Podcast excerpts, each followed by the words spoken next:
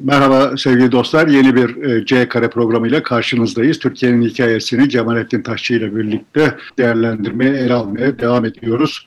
Bugün 60'lı yılların sonlarına doğru geldik. E, bugünkü programda gece kondulaşmayı e, ele alacağız. Aslında 50'li yıllarda başlamış olan e, şehre göç 60'lı yıllarda daha bir yoğunlaştı. Bu meseleyi hem köydeki etkileriyle asıl itibariyle de şehirde ortaya çıkardığı sonuçlarıyla ele alıp değerlendireceğiz. Evet o dönem 60'lar gerçekten hızla kente bir göçün olduğu ve gelenlerin de ister istemez kalacakları yerleri kendilerinin büyük oranda derme çatma yaptığı ve gece kondu adıyla da o mahallelerin isimlendirildiği bir dönem. Evet sonuçta Türkiye'nin kendi istatistikleri itibariyle bakacak olursak asıl şehirleşmenin vites büyüttüğü yıllar 60'lar. Yani 60'ların başında yanlış hatırlamıyorsam işte 24-25 civarında şehirli nüfus sonunda 35 civarına çıkıyor yani. Böyle bakınca çok hızlı bir şehirleşme tırnak içinde gece konulaşma gerçekleşiyor 60'larda. Yani Fakat neredeyse dönem, bir 10 yıl 10 yılda şehirlerin nüfusu ikiye katlamış gibi. E, evet. Bir de tabii nüfus artışı da yüksek o yıllarda. Tabii. Ve bu Türkiye'de işte ciddi sosyolojik sıkıntılara yol açıyor vesaire filan falan.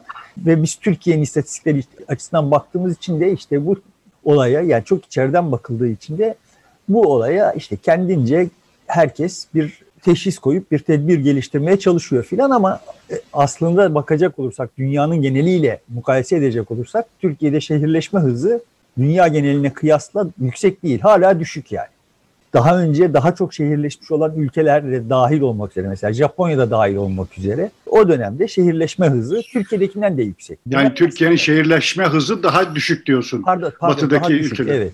evet. Yani biz dünya geneliyle kıyaslandığında daha düşük olan bir dinamiği başımızı belaya sokmuş bir şey olarak görüyoruz.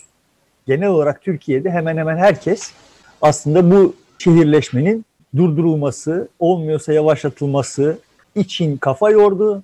Kafa yordu demek ne kadar doğru bilmiyorum ama yani sonuçta bu minvalde konuştu. Ben yanlış hatırlamıyorsam 80'lerin... Dert yandı en azından.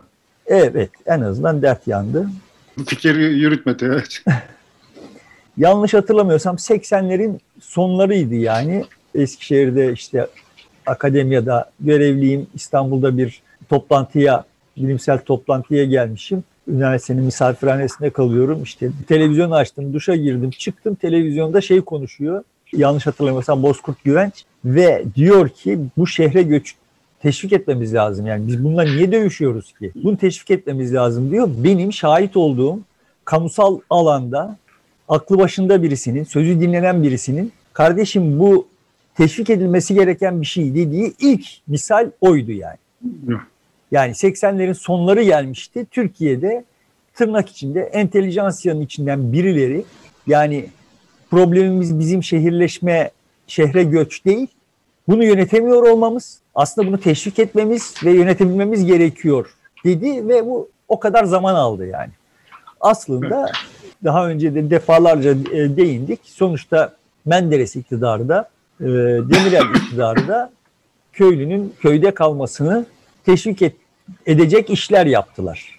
Daha önceki O aslında Cumhuriyet'in de politikasıydı. Köydekiler köyde kalsın diye işte köy enstitülerinin büyük oranda var olmasının sebebi bu. De Süleyman şeyde Menderes döneminde de öyle. Süleyman Demirel zaten bunu e, bir de sloganlaştırdı. Şehirde ne varsa köyde de o olacak diye işte hastane ise hastane, ampulse ampul, telefonsa telefon diye e, dolayısıyla köyde kalmayı e, cesaretlendirdi. Evet, Cumhuriyet'in başında da program buydu. Sonrasında da daha hani tırnak içinde sağ ve işte karşı devrimci iktidarlar da aynı programı sürdürdüler aslında. Ama sözünü ettiğin şeye bize birçok şeyi söyleme fırsatı veriyor. Yani şehirde ne olacaksa köyde de o olacak politikası şu demektir. Olabilir mi şehirde ne varsa köyde de o?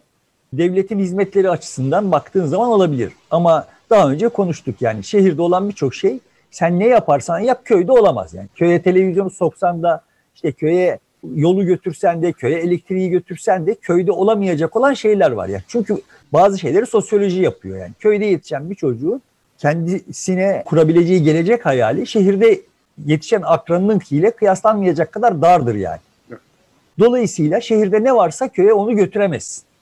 Ama tabii Demirel'in kastı bu değildi yani. Elektriği de götüreceğim, suyu da götüreceğim. İşte altyapı hizmeti olarak, devletin hizmeti olarak ne varsa bunları götüreceğim idi. Bunun içinde gerçekten ciddi çaba harcadı. İşte yol elektriği kurdu vesaire filan falan. Ve köyün standartlarını gerçekten de Türkiye köylerinin standartlarında belki de hani 4000 yıllık kaderinde değiştirdi. İyi mi yaptı? Bu iyi bir şey miydi?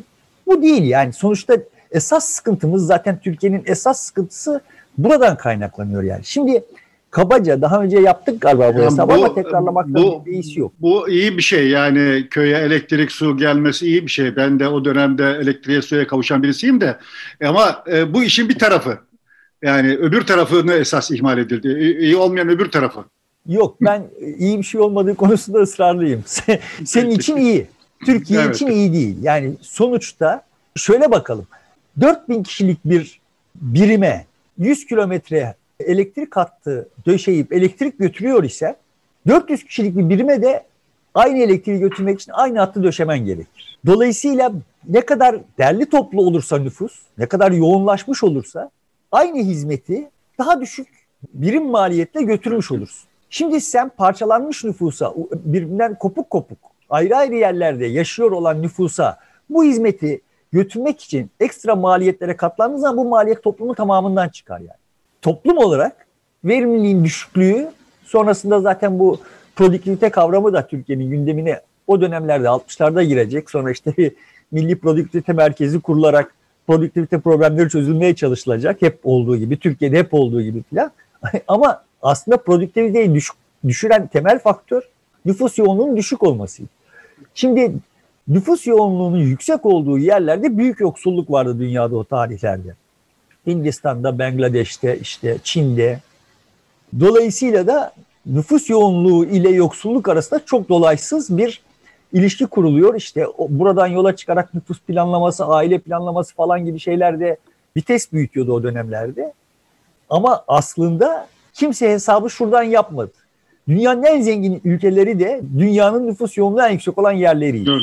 Yani şimdi bir İngiltere haritasını açıp bakarsa herhangi bir izleyici şunu görecek yani İngiltere'de yerleşim yerlerinin biri bitmeden öbürü başlar.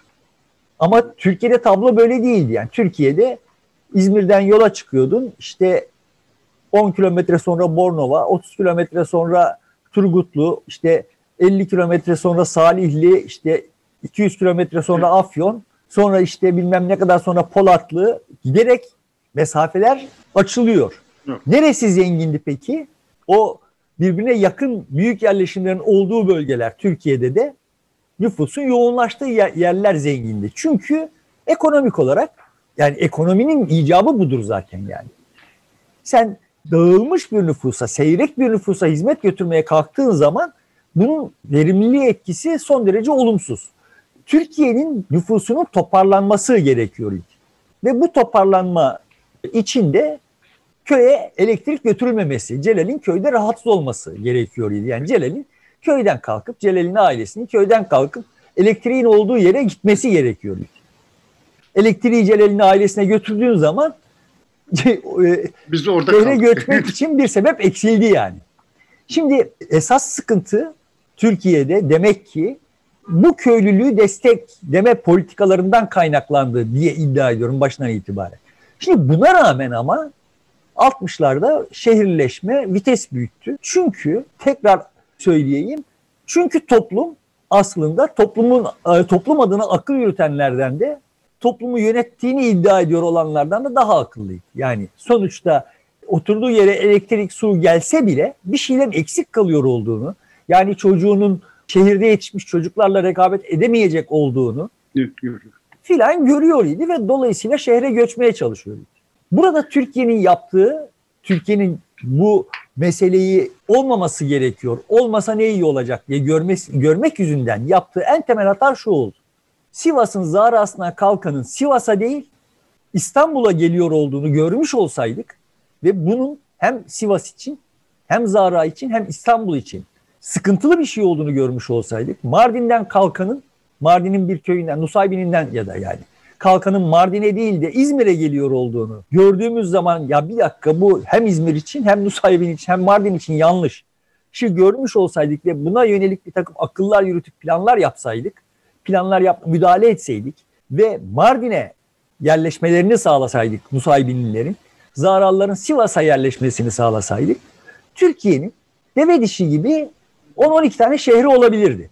Yani Demirel'in e, şehirde ne varsa köyde olacak sloganını İstanbul'da, Ankara'da, İzmir'de ne varsa Mardin'de, e, Urfa'da, e, Diyarbakır'da, e, işte Çorum'da, Çankırı'da o olacak şekline dönüştürseydi, Sivas'ta olacak şekline dönüştürseydi belki daha mı iyi olurdu iş? Çok iyi olacak. Yani Türkiye'de mesela devlet diyelim ki 10-12 tane irice hedef merkez belirlemiş olsaydı ve buralara yerleşmeyi teşvik etseydi yani göçü oralara doğru yönlendirseydi o zaman Türkiye hem doğru dürüst şehirlere sahip olacaktı. Böyle her şeyini İstanbul'a yığılmış bir ülke olmaktan kurtulacaktı.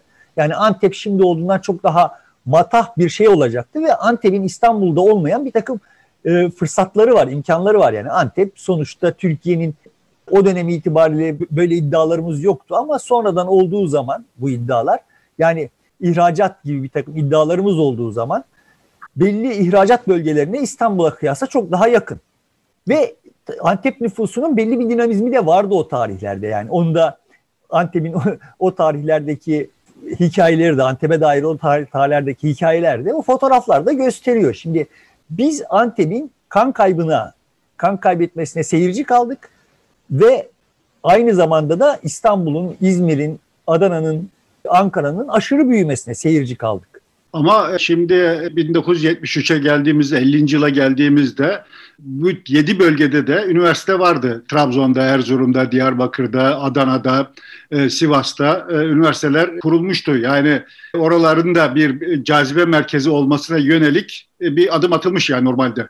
Ama arkası gelmedi. Üniversite işin önemli bir bileşeni. Ama 7 bölgede de üniversite var dediklerinin içinde işte sonuçta mesela Antep'te ODTÜ'nün bir kampüsü var.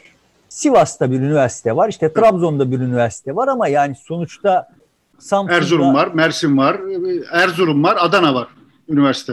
Tamam yani Diyarbakır'da. Sonuçta bu böyle işte benim sözünü ettiğim kadar çok sayıda bir e, şehrin projelendirilmemiş olduğunu gösteriyor. Ama aynı zamanda esas mesele o değil. Yani şimdi Adana kendi tarım sanayi çerçevesinde ciddi bir gelişme kaydetti o tarihlerde. Tarımda destekleniyor olduğu için vesaire. Ama mesela benzer bir durum işte Antep'te Erzurum'da olmadı. Yani Antep sanayileşti ama sanayileşmesi 1980'lerden sonra ağırlıklı olarak. Halbuki o dönem İstanbul yani işte Haliç'in etrafının sayısız sınai tesisle doldurulması, kirletilmesi, bilare İzmit Körfezi'nin aşırı kirletilmesi filan o tarihlerde yani. Şimdi bu sanayiyi İstanbul'a değil de Antep'e koyduğun zaman bunun bir toplumsal maliyeti var. İşte sonuçta o Haliç'in e, kirletilmesi, Körfez'in kirletilmesi vesaire gibi şeyler sanayinin belli masrafları göze almaması sayesinde mümkün oluyor. Dolayısıyla girişimciyi çevreyi kirletme pahasına teşvik etmiş oluyorsun. Şimdi Antep'te olduğu zaman bunu yapacak imkanların olmayabilir. Ama işte o köylüye e, yaptığın teşviki buralara kaydırsan bir hasılat elde edilebilirdi Türkiye genelinde. Bunu söylemeye çalışıyorum. Şimdi o dönemde de, bir de hayatımıza DPT girdi. Sonrasında işte plan mı pilav mı filan falan gibi tartışmaları olacak. Bu DPT bugün hala işte belli bir kesim için 1961 Anayasası'nın en ciddi kazanımı olup aynı zamanda çok da mühim bir şey filan olarak yani zamandaki köy enstitülerinin arkasından yazıklanılan köy enstitülerinin işte 1960'lardaki e, muadili olarak filan hep gündemde tutulan bir şey. E, yani DPT dediğin şeyin arka planında yatıyor olan esas motivasyon dönemin ruhu. Yani o dönem daha önce ne kadar e, netleştirebildik bilmiyorum. İşte sonuçta soğuk savaş atmosferinde sosyalizmin e, özellikle bizim gibi ülkeler için yani geri kalmış ülkeler için bir fırsat, bir kalkınma imkanı barındırıyor olduğu düşüncesiyle düşüncesinin de yeşerdiği bir, e, bir şey sebep oluyor. Bu da planlama. Yani biz şimdi sosyalist olmayacaksak da hiç değilse sosyalizmden planlamayı alalım mantığıyla oluyor. Ve böyle yukarıdan bir şeyler doğru düz planlandığı zaman Her şey daha iyi gidecekmiş, kaynaklar daha iyi tahsis edilecekmiş varsayımı var. Pratikte dünyada zenginleşmiş olanların hiçbirisi planlamayla zenginleşmedi yani. Öyle bir realite yok yani. İngiltere dünya imparatoru olurken bir planlaması yoktu. İşte daha sonra Almanya bütün dünyayı meydan okuyacak sınai kalkınmayı sağladığı zaman savaş öncesinde Hitler'le birlikte ortada bir planlama yoktu. Planlama konsept olarak bile yoktu. Yani öyle bir şey zaten insanların aklına gelmiyor. Dolayısıyla benim açımdan daha en baştan itibaren planlama nosyonu yanlış bir nosyondu. Ama asıl riskli olan o değil. Asıl riskli olan birilerinin planlamaya bu kadar bel bağlaması.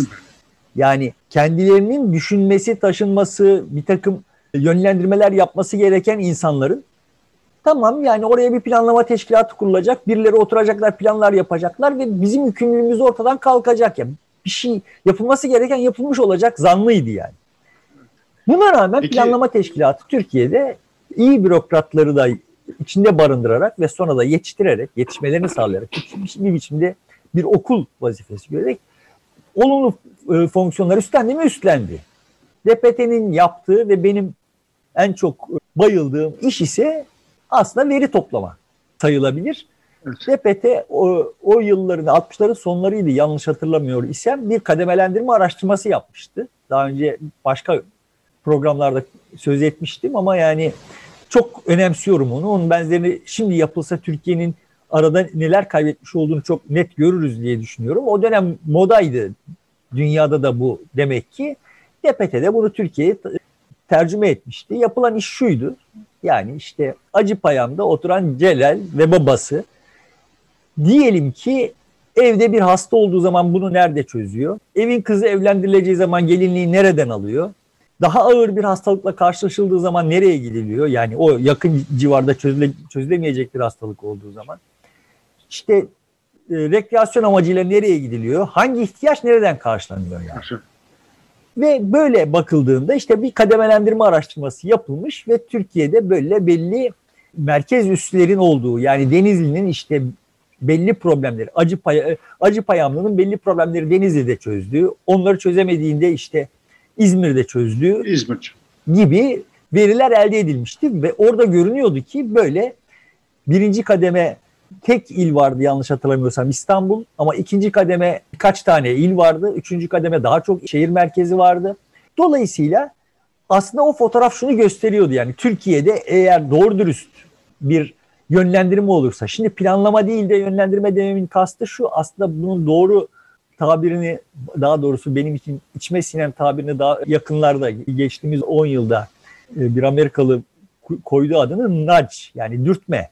Sosyal dinamikler aslında yönetilemezler, planlanamazlar ama dürtülebilirler. Yani karayollarında hız yapılmasını engellemek istediğin virajlarda eğer kasislerin arasındaki mesafeleri daraltırsan sürücü hızlandığı zannına, hissine sahip olup frene basar gibi. Yani şimdi böyle böyle dürtmelerle insanların davranışlarını, toplumların davranışlarını davranışlarını istikamet değiştirebilirsin. Dolayısıyla o tarihte de uygun dürtmeler olsaydı Zaralı'nın İstanbul'a değil Sivas'a gitmesi sağlanabilirdi. Bu yapılmadı. Engellemek için her şey yapıldı, engellenemedi. Görmemek için her şey yapıldı. Sonuçta İstanbullu bulduğu en kestirme çözüm gece konulara gelenleri görmezden gelmek oldu. Geldi evet yoksa. Peki bu dönemde batıda şehirleşme daha bizden erken olduğuna göre o örnekleri bakıp da nasıl yaşanmış, bu süreç nasıl yürümüş bunu gözleyip Türkiye'de bunu adapte etmeye çalışan herhangi bir üniversite ya da devlet kurumu var mı o dönemde? Yani batıdan öğrenmeye çalışan diyelim. Şimdi bu şehirleri planlamak meselesi İzmir planı üzerinden konuşmuştuk.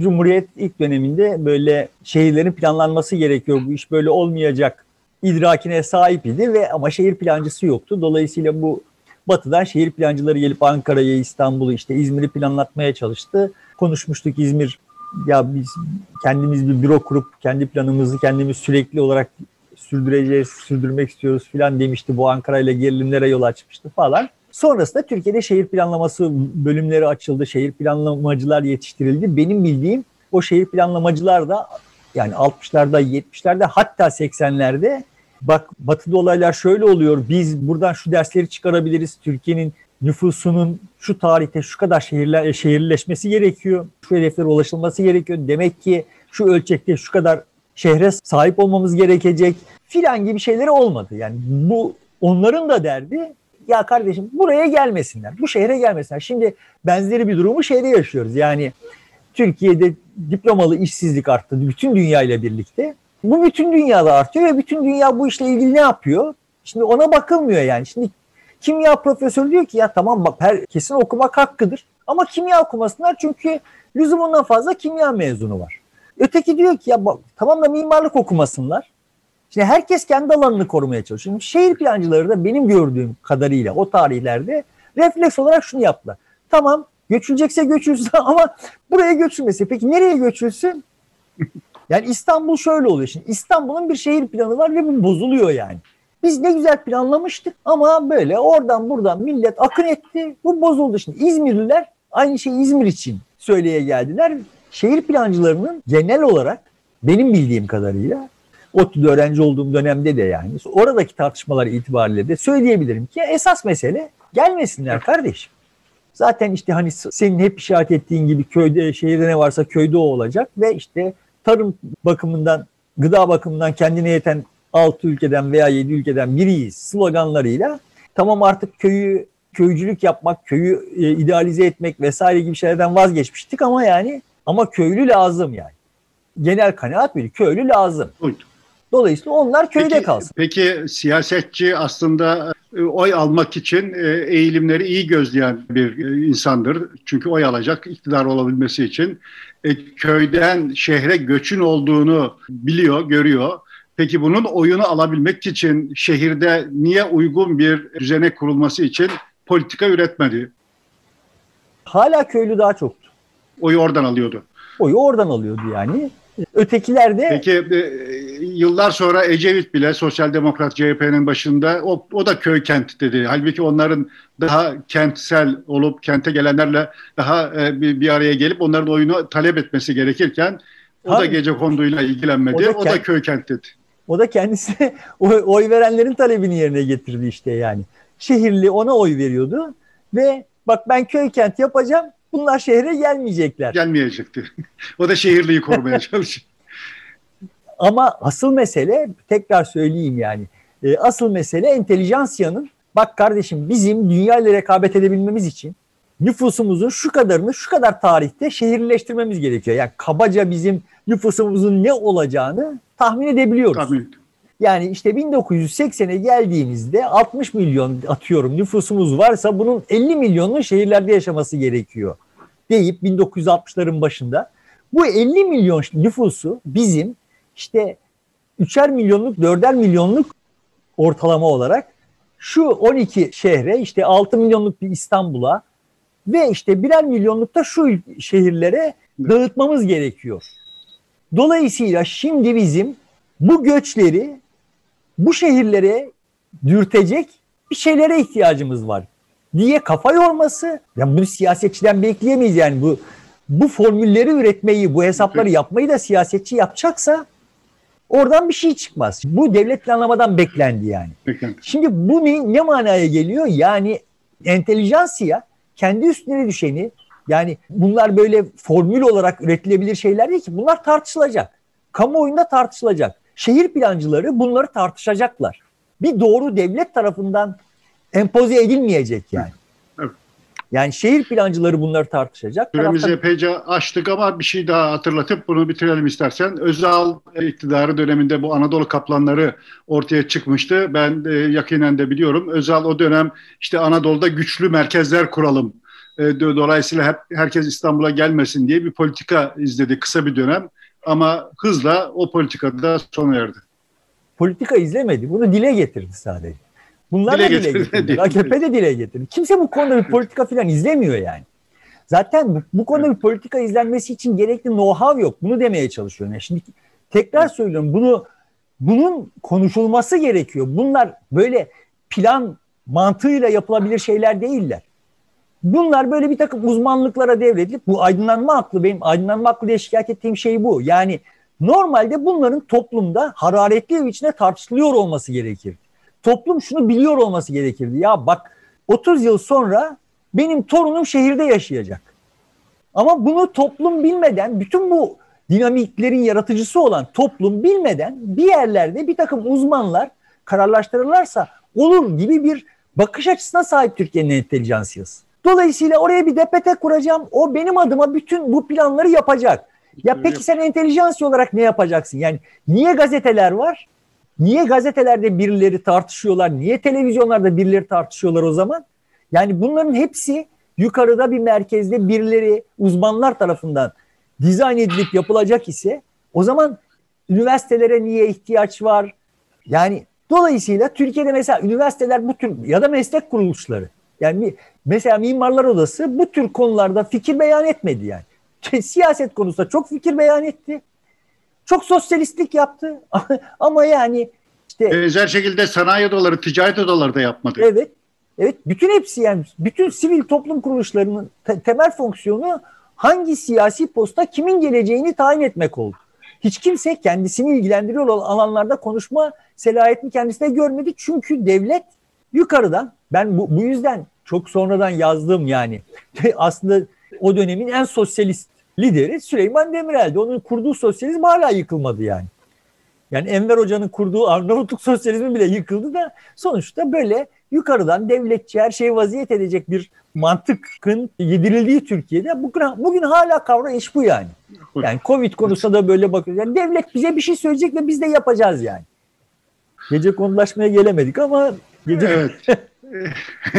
Epey ilerledik. E, süreyi de açtık. E, istersen e, burada bitirelim. Gerekirse önümüzdeki program yeniden buna dönebiliriz, devam edebiliriz gece konu diye. O bir yandan da bir Yaşarların hikayesine de dönmemiz gerekiyor.